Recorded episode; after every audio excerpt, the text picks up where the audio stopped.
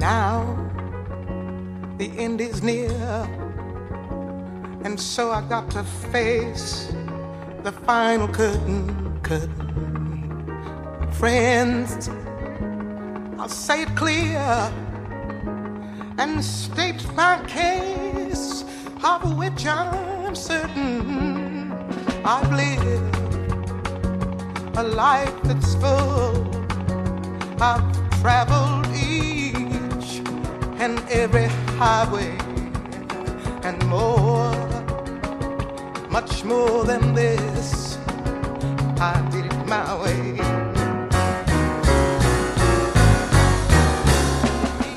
Saludos, bienvenidos a un programa más de Mesas y Manteles. Como no puede ser de otra manera, nos acompaña nuestro Cicerón en estos programas, Francesco Gianelli. Ave César. Para ser un cicerone tiene que hablar latino. Sí, señor, sí, señor. Buenos días. Hombre, y siendo italiano dominado, además, ¿no? Italiano. Cuna... A veces, a veces sí, me acuerdo. Cuna del latín. Eh, tenemos hoy una invitada con la que vamos a hablar mm, de, eventos, de organización de eventos concretamente. Ella es Noelia Cabello, gerente eh, de Grana y Verde. Bienvenida. Muchísimas gracias, bien hallada. Ese oh, me encanta.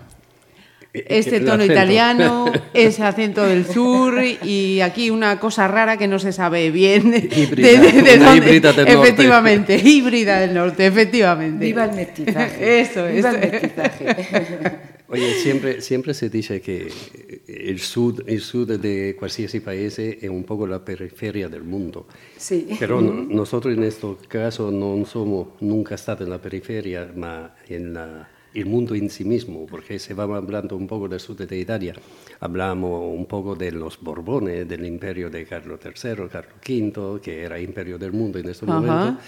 Ella puede hablar eh, siendo, gran, siendo, granadina, habla del califato. Puedo hablar de muchas cosas, sí. Bueno, cada sitio tiene su historia y la verdad, hombre, yo eh, me siento muy orgullosa de haber nacido en, en, Granada, creo que es una suerte. No me gusta presumir, pero es que sin duda, sin duda. Me siento muy afortunada y aquí soy muy feliz. O sea, cada sitio tiene su, ¿Y, qué hace una granaína aquí en Pontevedra? Pues fíjate, eh, por, circunstancias de la vida, nosotros, eh, yo estaba en Granada, nos ofrecieron llevar la gerencia del Pazo Larache aquí en Santa Cristina. Vinimos a verlo en julio del 2012 cuando yo llegué a Pontevedra, eh, esa noche yo me levanto, o sea, nos arreglamos para salir y me encuentro esas calles tan preciosas, iluminadas tan bonitas, esa calle, esas calles tan limpias, tan, tan espectaculares. Y ahora había, eh, coincidía con los conciertos de jazz, de blues, y yo decía, Dios mío, si esto es el paraíso, porque además yo, en Granada hay mucha tradición de jazz, de blues, es muy... Y yo decía, he caído en mi sitio. Luego vi el pazo, me encantó. Y, bueno, pues empezamos a trabajar ahí, pero eh, bueno, fue una etapa y, yo descubro que mi, y me puedo dedicar a, lo que más me gusta y con lo que más disfruto, que es organizando eventos y sobre todo bodas en mitad del amor. O sea, que no se puede pedir más. casi, casi de película, ¿no?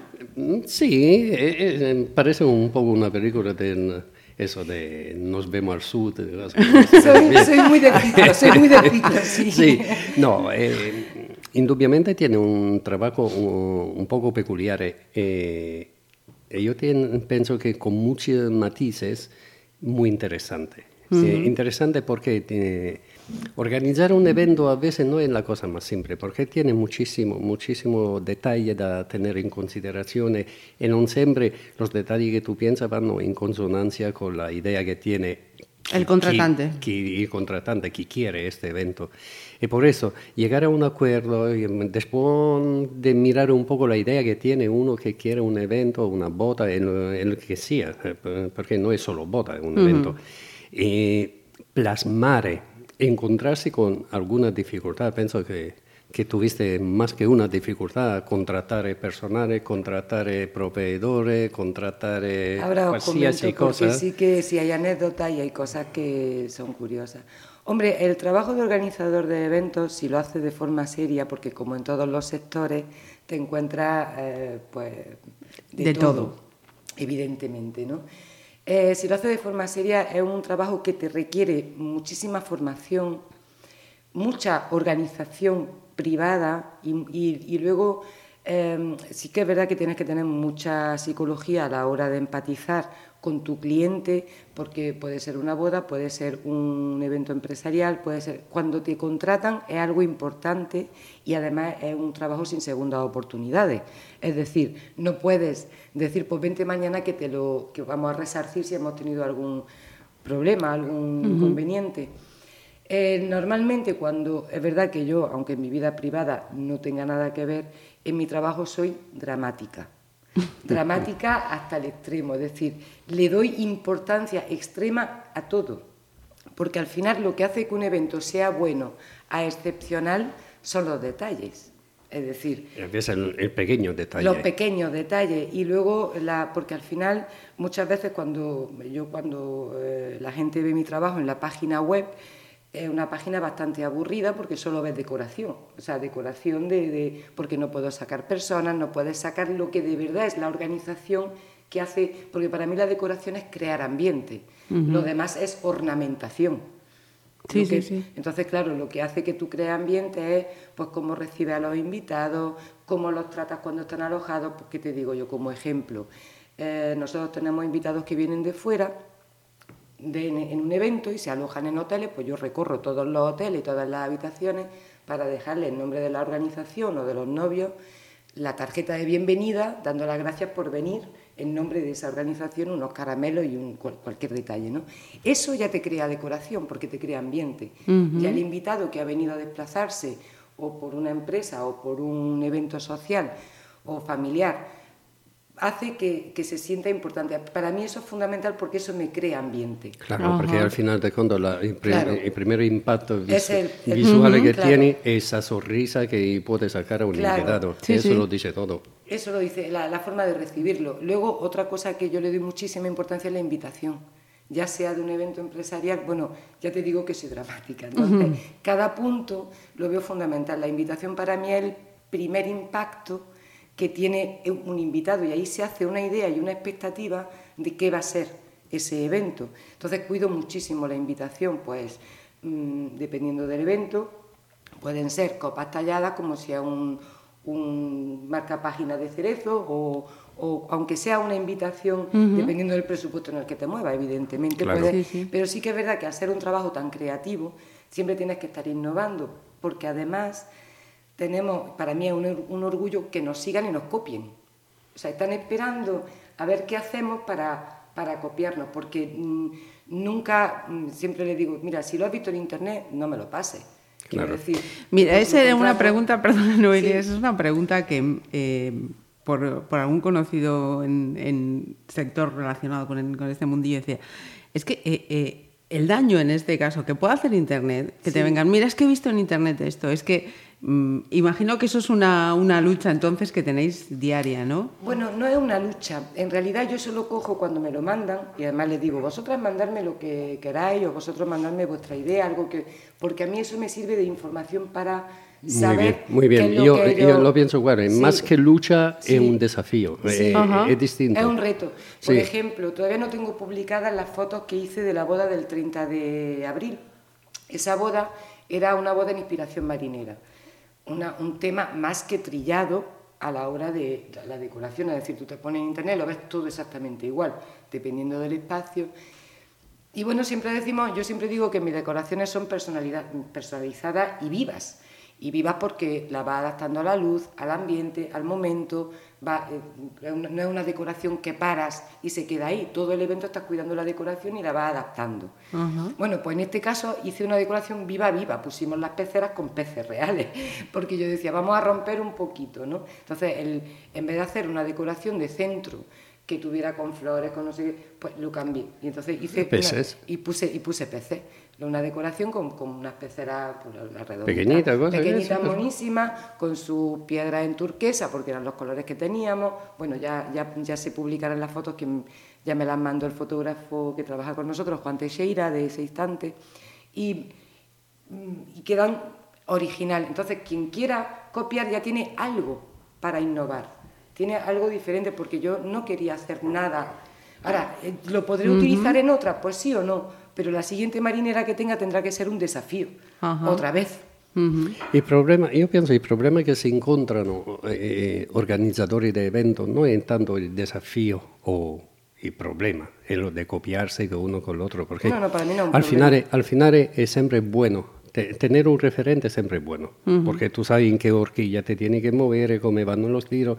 Eso te ayuda a ti mismo, puede ser más creativa cosa. Pero el problema en sí mismo, yo pienso que la organización en, la, organización es viva, es lo que es el problema. Porque poner de acuerdo al a chi te contrata, a los mm. invitados, a, a, los proveedores, a, al sitio, organizar el sitio, los accesos, que hoy se mira muchísimo también en los accesos con uh, discapacitados, non discapacitados, mm -hmm, son cómodos, non cómodos, el sitio para cómo se llega, cómo no se llega. Todo esto, esto sí que es un desafío. Eso eh, depende del sitio donde trabaja. Claro, es que al final es como cuando nosotros eh, empezamos a... A mí me traen una, propuesta o me piden un presupuesto. Mm, normalmente, eh, evidentemente, la emoción la voy a poner después, pero antes tienes que tener una organización técnica y es donde fallan muchísimas organizaciones de eventos. O sea, hay una, hay una preparación técnica que es la que dice si los camareros, el acceso que tienen de la cocina al comedor es correcto, si trabajan cómodos, porque para mí es tan importante eh, la comida que se prepara. Si una cocina directa o un catering o un catering que se van a servir. ¿eh? Suelo, Claro, suelo trabajar siempre con, con catering que me hagan la cocina en directo allí porque suelen ser menús con un, con un precio, porque, bueno, pues con un nivel, ¿no? No suele venir la comida preparada, con lo cual la, la están haciendo allí. Pero es muy importante cuando estás en sitios que pueden ser fincas, que, pueden, que los camareros trabajen cómodos, que no tengan escalones que suben y bajan, que si llueve la comida pase totalmente, que no dé tiempo a que se enfríe desde la cocina al plato. Y además que sean camareros profesionales, que sean los suficientes. Es decir, cuando a mí me dicen, es que he estado pidiendo, por ejemplo, por hablar del tema del menú, he estado pidiendo presupuesto en distintos catering. Pues muy bien. Y es que aquí tengo los presupuestos, digo, no me sirve de nada porque quiero conocer gramaje, certificados de origen, porque no es lo mismo poner un langostino que poner otro. No es lo mismo poner un bogavante canadiense que uno europeo. No es lo mismo poner un rodaballo de piscifactoría que de la ría. Y ahora quiero saber cómo se prepara, cómo lo cortan. Es que al final es todo y cómo lo presentan. Y al final tú te metes mm, en, temas que no todos los profesionales te lo admiten. Porque yo me he encontrado sin mencionar, por supuesto, alguna estrella Michelin que tengo que decirle, pues mire, usted sabe cocinar, pero de organizar una comida lo siento, nada, de nada, porque al final... Eso ya me sembra un poco más raro, pero... Eh, pues ocurre, porque al final, eh, cuando yo, por ejemplo, yo a mí me gusta muchísimo la, el, evento tipo cóctel, el tipo cóctel para... A la americana. Bueno, de pie. Bueno, verá, siempre digo que no tiene nada que ver ni con estar de pie ni con estar eh, tomar tapa, es decir, tú tienes sitios para sentarte, lo que no tiene es un protocolo de mesa, es todo al aire. ¿Qué pasa? Que cuando tú hablas de un tipo cóctel, muchos catering te lo ponen en mesa porque se ahorran camareros, porque, perdona, un cóctel no puede ir en mesa porque eso sería un buffet. Y no estamos hablando de una... Claro, te cuesta muchísimo eh, convencer que tienen que llevarlo todo al aire las mesas pueden tener algo de apoyo, pero eso es, claro, es un camarero por cada ocho personas. Es decir, un cóctel requiere, mucha más organización que un, que un mesa y mantel. Eh, siempre es más complejo. Bueno, en, ese caso nunca, porque Meses Mandel exige mucha más organización de lo que tú piensas. Bueno, no, no, quiero Supongo. claro, claro, pero quiero decir. No, no, no, no. no, pero que el eh, cóctel es más complejo y te encuentras los catering que te lo, te lo suelen te suelen, eh, no suelen entender el concepto de cóctel. Es distinto, no, se tiene una percepción, una idea distinta de cóctel. Eh, además, depende de la hora del cóctel, eh, si es un cóctel diurno que se hace a, media tarde, si es un cóctel nocturno.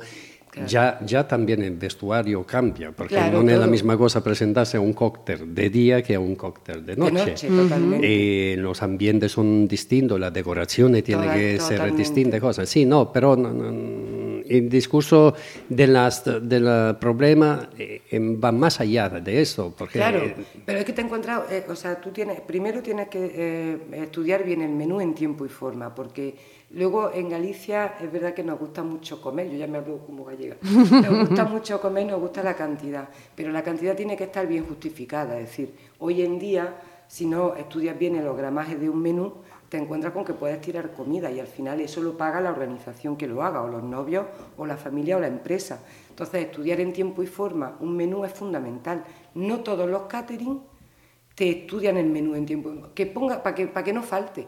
Pero bueno, para que no falte, Pregunta mm, de la- del desconocimiento. Has citado ya mm, dos o tres veces la palabra gramajes. Eh, se- te voy a pedir que nos expliques para que los que nos estén escuchando, que el mm, peso. son profanas, El peso, el peso de cada pieza, Ajá, el peso vale. del plato, no del plato come cerámica, el sí, sí, peso sí, del- sí, de- del alimento, del, del producto. alimento, sí. Claro, no es lo mismo poner, por ejemplo, eh, pues dependiendo de cuántos platos haya, por ejemplo, eh, tú haces un- unos entrantes, no se trata de poner, si pones menos entrantes, tendrás que poner más gramaje, si pones más entrantes, pones menos gramaje, al final la gente puede comer una cantidad determinada, eso es lo que tiene que estar bien, bien estudiado. ¿Qué pasa?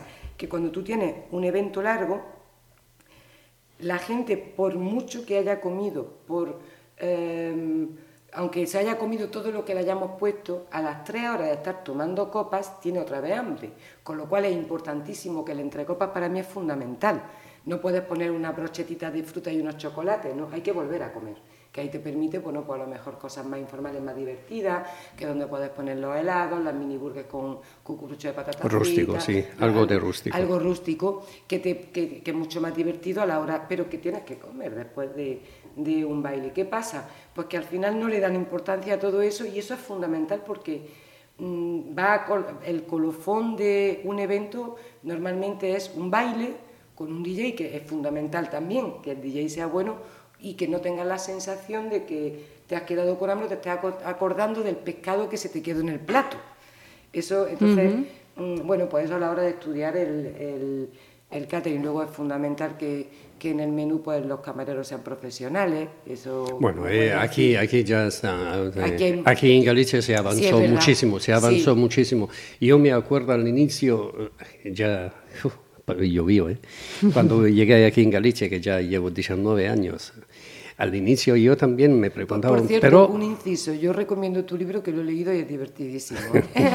Muchas gracias. vida, o sea, lo recomiendo totalmente. Muchas gracias. Eh, me acuerdo que cuando se hablaba entre nosotros, pro- profesionales, cómo se organizaba la cosa, eh, yo decía, pero tanta, tanta gente a la hostelería aporta la construcción, porque mira que erano todo de la construcción, y los camerieri, que ese era el, el tópico que se tenía antes, no tenía eh, en fin de semana, no, me voy a hacer el cameriere. Hoy no, hoy for- afortunadamente todos Sí. los camerieri son profesionales que tengono già criterio, già tengono conocimiento de, la- de- de base de- de- del trabajo que uno hace. Y esto, eso se nota muchísimo Pero es que también para mí en los eventos. camareros, sí, los camareros son fundamentales porque son los que te presentan el plato. Para mí son, es una de las profesiones que más respeto, porque al final ellos son los que hacen que te llegue el trabajo al invitado y, y eso me parece fundamental, el agrado, la profesionalidad. Siempre les digo, vosotros cualquier cosa que os pidan a todo, que si sea imposible ya le explicaremos que no, porque es imposible, pero esa forma de tratar al invitado al final eh, es fundamental, igual que el metre. La función del metre me parece fundamental a la hora de trabajar. Al final es una cadena que es verdad que la organizadora lo que tiene que hacer, mi trabajo es coordinar absolutamente todo, tiene unas hojas de ruta, unos guiones, cada uno con el suyo, pues porque a la hora de hacer una decoración yo tengo que saber cuán- qué es lo que va en mesa, si va al centro, si no va al centro, porque al final la decoración lo que tiene es que facilitar, nunca estorbar. Porque hay muchas veces que tú dices, esta decoración, ¿cómo se come en esta mesa? O ves decoraciones muy altas, pues la manía es ahora de la moda de poner los centros altos en una mesa, de, a mesa y mantel. Vamos a ver, yo quiero comer con mi, con, con mi compañeros, con mi Y no familia. será buscar y detrás del árbol. decir, una decoración en ese mantel nunca puede superar la barbilla. Es que ya no te trae el diablo de los ojos, es que te quiero ver la cara y te quiero ver la boca y la expresión, ¿no? Y eso, al final, eh, lo que tú tienes que ayudar es a crear el ambiente, a que la comida te sepa mejor, porque una buena decoración hace que la comida. Al final son te los sepa pequeños detalles que te danno una Sì. grande, una grande Totalmente. eh, salita o eh, non so come definirlo, però una, una comida que te da la satisfacción non solo de en lo que comen, ma también de cómo lo presenta en la parte visual y cosas. Sí, que te gustan todos los sentidos. Sí, eh, justamente como dice Noelia, si tiene algo que te estorba ahí, eso va a descapito de la calidad. No, pero eh, es muy interesante. A veces, a veces dalla parte exteriore se, no, se mira, sí, no, fui a organizar, no, todo, todo bien, y ahí acaba el discurso de una persona que te da el encargo de organizarse. organizarse.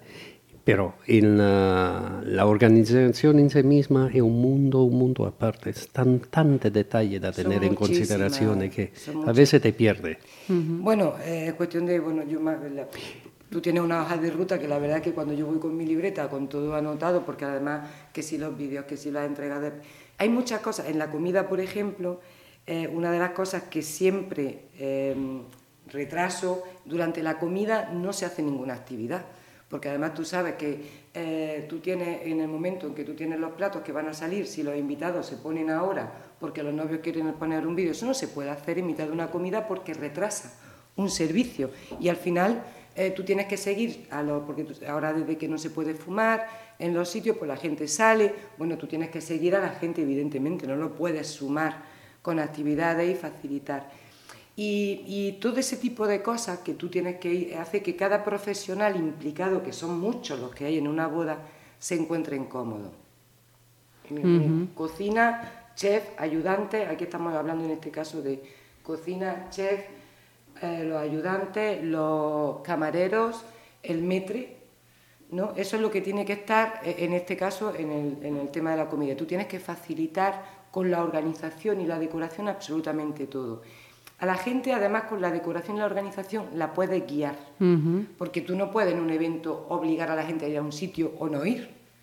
Es que lo tienes que hacer de forma muy sutil con elementos, con decoraciones, con organizaciones, como tú cómo haces que la gente en un momento determinado no se te vaya a un sitio para que el cóctel, los camareros no tengan que desplazarse más, pues con decoración. Eso sí, pero eso depende también del sitio donde organizan, porque Claro. el sitio es muy importante. Es que es muy importante. Yo la cosa que siempre noté en sitios pazos, todo eh, que, que la moda, porque ahora que ya es moda, ya no existen los restaurantes clásicos por boda y banquetes, ahora son eh, sitios, son pazos o Fincas. bodegas, fincas.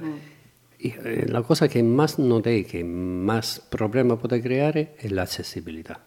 Porque todo pensa a la cosa interior, pero nadie piensa la al, al sector exterior. Cómo llegar, dónde dejar el coche, qué facilidad tiene si, non, se, no, se llueve. Se no llueve no tiene problema, porque te hace un paseo Sí, por la y finca. aquí precisamente Claro. no, no es algo Bueno, eso excepcional. forma parte de la Sí. organización. Sí, Lo claro. primero- Si no llueve, tiene un día estupendo de sol, lo agradece, dice, ah, dejo el coche fuera, me doy un paseo, voy visitando la finca, me miro eso. Pero si llueve, no Aquí- tiene sitio para aparcar dentro, te tiene que... Todo esto... Aquí cuando organizas un evento tienes plan A, B y C. Es decir, es que no te queda otra. Y una de las cosas que haces cuando te llevan a un sitio de la organización es el tema del acceso, es fundamental y donde aparcas. De hecho, eh, los indicadores tienen que ir, muchas veces el, el parking has tenido que buscarlo en una finca de al lado, hablando con un vecino, acondicionando ese parking porque eh, había una finca al lado que te cuando no tienes el parking del sitio, tienes que hablar con el propietario, con los vecinos, para que no haya problema, tienes que poner los indicadores de camino, un chico, un compañero a- acompañando si está lloviendo, tienes que tener los paraguas para acompañarlo desde cuando te viene el autobús lo mismo, si es microbús, si no cabe uno de 28 plazas, tiene que ser uno pequeño, todo eso lo tienes que organizar para que la gente no te llegue ya mosqueada, porque si tú llegas a un sitio tan divina, con unas sandalias tan bonitas que a lo mejor no te han costado 30 euros. Es que tiene que pasar en el medio del polvo. Claro, entonces eso, todo eso nosotros lo tenemos que tener previsto, eso es algo fundamental. Es decir, es que al final, cuando digo dramática es verdad porque es que eh, ¿qué más da lo bonito que lo tengas si a ti ya te están llegando los invitados mosqueados? ¿Por qué no has tenido en cuenta eso? Es que eso es fundamental tenerlo en cuenta. Sí, sí. Como dice... Eh, mira, por todo lo que estás diciendo y en este tiempo que llevas aquí en Galicia, de todos esos eh, ámbitos, sectores con los que tienes que trabajar, ¿cuál dirías que es el que está mm, más preparado, más puesto en el momento actual? ¿Y, cuál es en el que todavía encuentras más dificultades, el que tendría todavía que, seguir mejorando? Bueno, la figura de organizador de eventos es una figura que está cogiendo cada vez más fuerza. Es decir, cuando alguien te contrata ya sabe por qué te contrata y, que al final tú estás para ahorrar dinero, porque al final tú lo que tienes que optimizar recursos y no existe un sector que lo valore más o menos Mm, eh, es, un, es, un, trabajo que hasta ahora no ha estado valorado también porque ha habido mucha, ha habido como un boom y hay mucha gente que al final es comisionista. Es decir, había mucho ha habido muchos organizadores que lo que hacen es poner en contacto y cobrar comisiones, ¿no? que no, no es bueno ni malo, eh, eh, es otra forma de trabajar que yo no comparto, que yo no hago. Pero al final es una, una figura que está cogiendo fuerza, cada vez está más preparada, cada vez eh, tiene más importancia y más relevancia. Quizá donde más se está demandando sea en temas de bodas.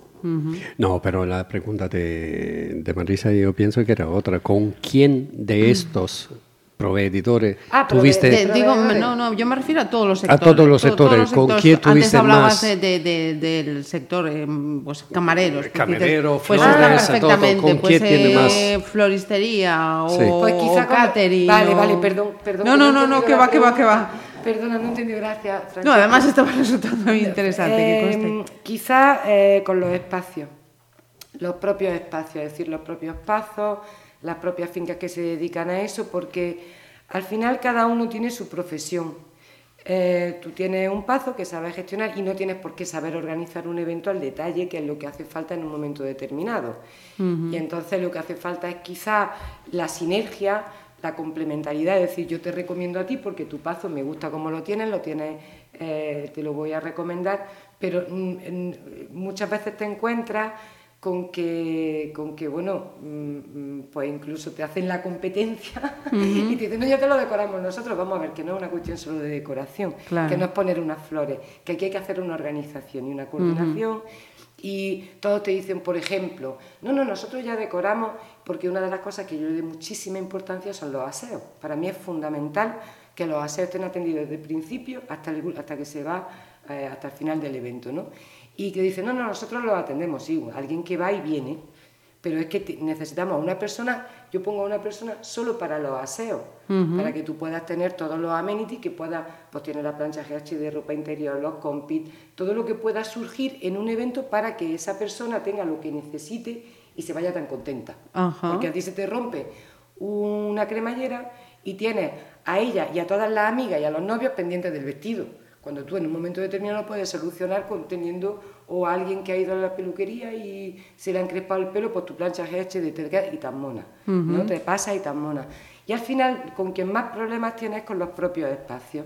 Porque no les cuesta, les cuesta discernir el trabajo del espacio, del sitio, de tú te pones, si quieres el catering, te ponen en algunos sitios condiciones bastante absurdas, porque es que incluso, bueno, pues a mí no me importa que me digan tienes que comprar en esta floristería porque yo me llevo una Son comisión". limitaciones que te impongo, ¿no? Limitaciones, pero además limitaciones, yo digo, si me lo mejoran, perfecto, pero cuando te ponen como obligación un DJ que no es mejor que lo que tú eh, puedes Estás aportar, habituado a o trabajar. estás habituado a trabajar, te baja el nivel del- de, tu evento. O, ¿qué te digo yo?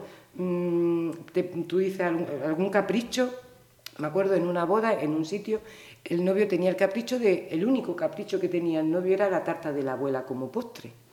Entonces, ese era un catering y, no te- y, esa, y era un- un- una persona con, con renombre en la cocina, con, y decía que no hacía la tarta de la abuela, vale, pues yo la traigo, no importa, y traigo una tarta de la abuela. Bueno, me obligaron a comprar en un sitio, cuando yo vi la tarta de la abuela, con la mm, crema hecha de flanín, mantequilla en el chocolate por un tubo para que costara poco. Claro, yo fue una decepción tremenda porque no estoy acostumbrada.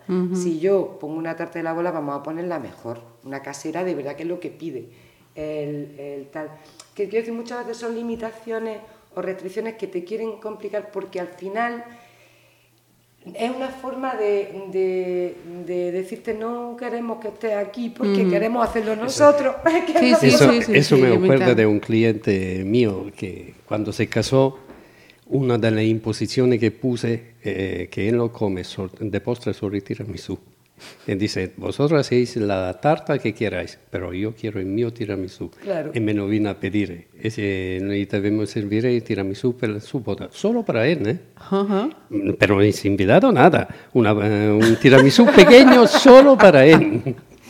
No, efectivamente, efectivamente yo pienso que el problema que se encontró nomás esta intromisión en el trabajo en el sentido que eh, una vez que se empieza a dar pie a boda evento, los mismos pasos, sitios de boda, de evento, los espacios que se están utilizando, entran a hacerte competencia a ti mismo que es el organizador. Cioè, uh -huh. se te puedo sacar una boda, la organizan ellos, lo hago no. Me ha pasado, me han quitado eh. unas cuantas bodas los espacios. Pero pasa contigo y pasa con, todo. Con todo el mundo, Por eso, sí. yo pienso uh -huh. que la, eh, la, cosa peor que se puede encontrar es la intromisión en esos sectores. Que lo hago bien, no se discute, pero no es ni ético ni profesional hacer una cosa de eso. Y yo pienso que al final es que, que tiene que decidir, es que pagan los platos rotos de todas esas intromisiones son la gente que te contrata. desde luego desde luego. Mira, eh, no sé si será preguntar demasiado, pero quería eh, preguntarte eh, este efecto de los periodistas. ¿eh?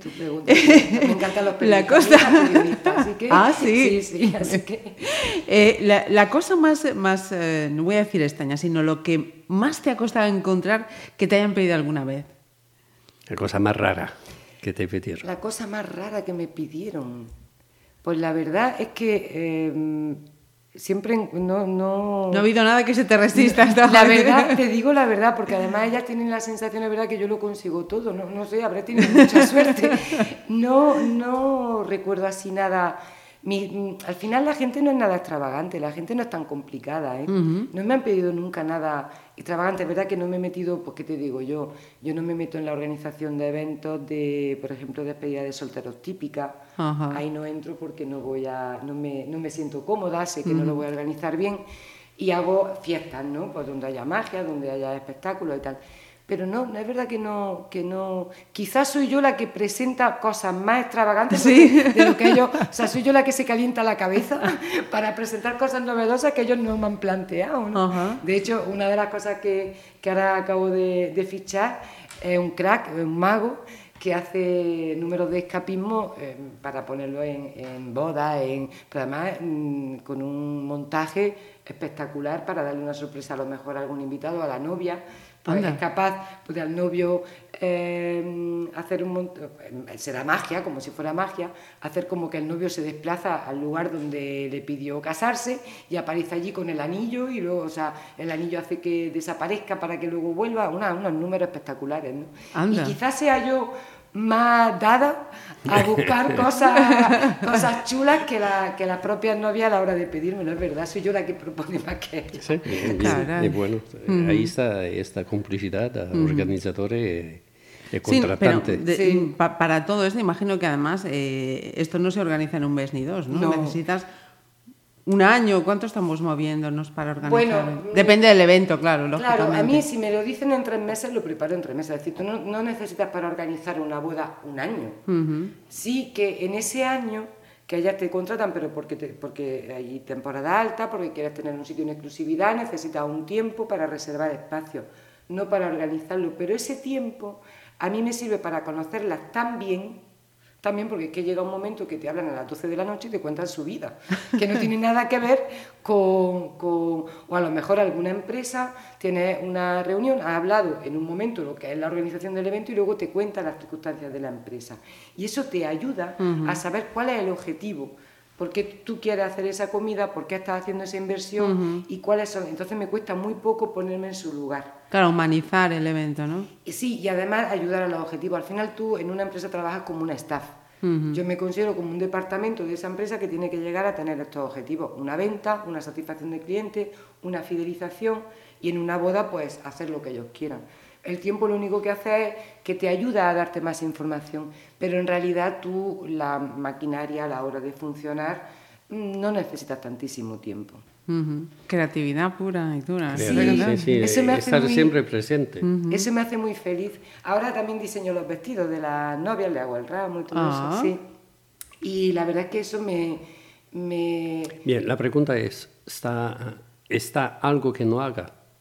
No, en la boda, en la boda me meto Es la- absolutamente... ella no, esa no es la que se casa. No soy la que se casa. Ni soy la que se casa ni la que lo oficia. Eso sí que no lo he hecho, porque cuando me la oficias tú digo, solo faltaba. Porque entonces ya estoy. No, no, no. eh, sí, que, sí que en el campo de, de los eventos es verdad que, que domino. Ajá. Tienes que dominar absolutamente todo. Claro. Implicaciones peluquería. totales. Sí, sí. Sí, Bien, bien. pues peluquería, maquillaje, eh, eh, zapatos. Le hago también de personal shopper para comprarle los trajes a los novios. ¿Alguna vez te pasó que todo lo que planteaste no te salió? ¿O te salió...? Eh, sí, he tenido, he tenido problemas, sí. He tenido, pues, pues mira, en una, en una boda eh, le diseño el vestido a la novia, me viene una modista que no, evidentemente no voy a mencionar. Y me, bueno, pues el, el vestido yo... No la ah, va a mencionar porque salió mal. porque Si salió salía mal, bien, claro, si salió sí mal, que por supuesto que la, Ah, vale. que la menciono. Eh, entonces, eh, el diseño del vestido era un vestido corto y encima llevaba una sobrefalda. A mí me gusta mucho eh, sorprender. Entonces, al final, es un vestido de novia, pero tú te quieres, en el baile Te te quitas la falda y entonces se, se queda, en vez de un vestido, un vestido corto, sexy, y llevaba unas plumitas eh, puestas. Bueno, pues eh, cuando la novia se quita la falda, pues las plumas vuelan, porque las Se pegó en vez de... Se caían las plumas. Se quedó desplumada la novia. Se iban cayendo, se iban cayendo plumas. Y bueno, eh, mm, fue un tema bastante serio porque imagínate eh, el día de la boda y ese, esa, me- además una, eh, más que nada por mentir, porque además te cobró, me cobró por, por coser, luego al final no cosió, le echó la culpa, un desagradable.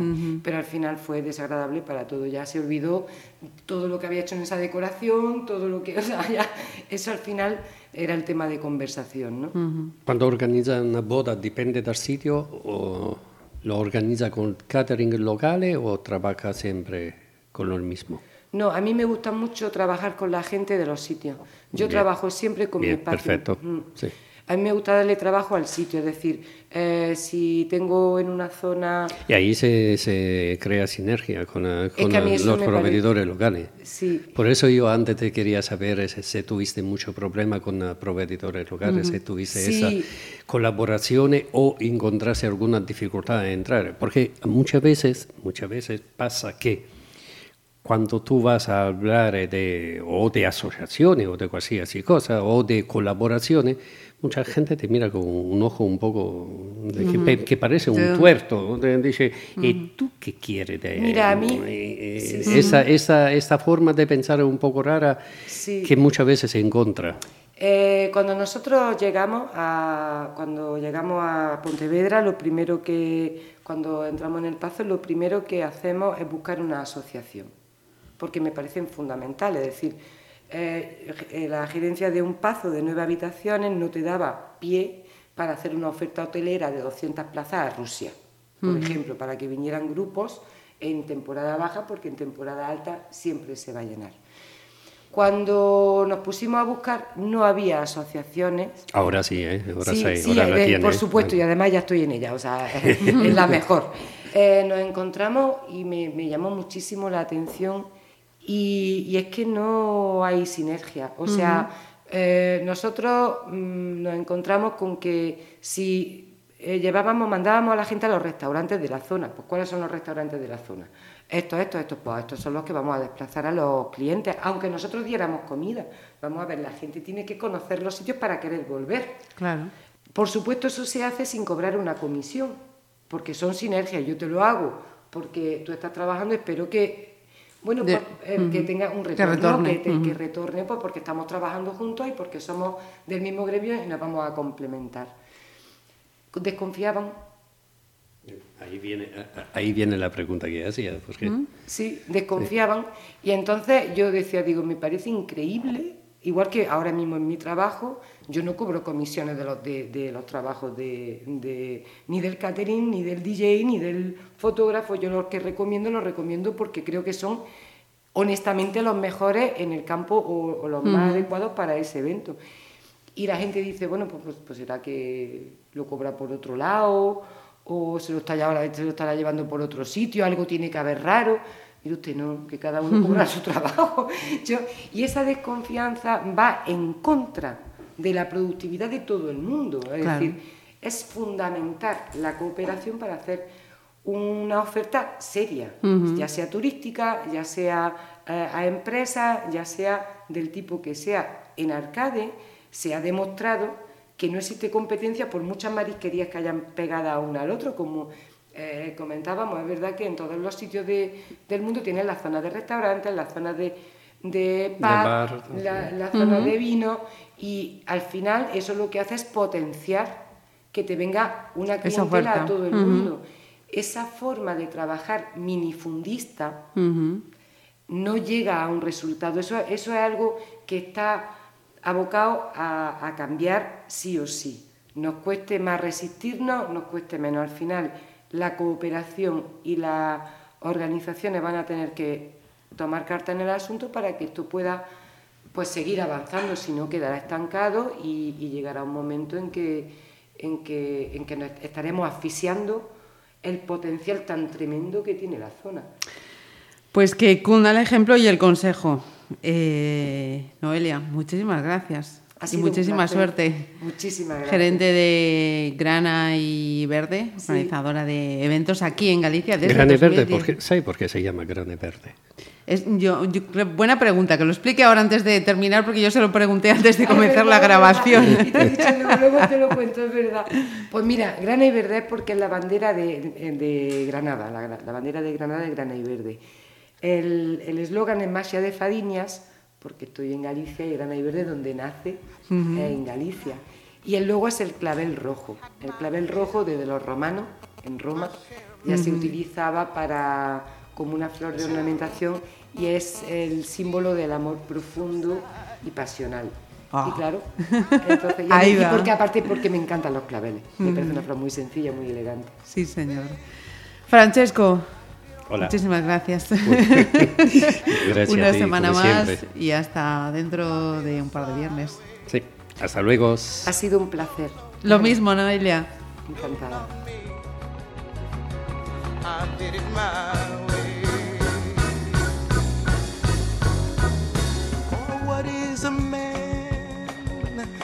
What is he got? If not himself, then he has not to say the things he truly feels, not the words of one.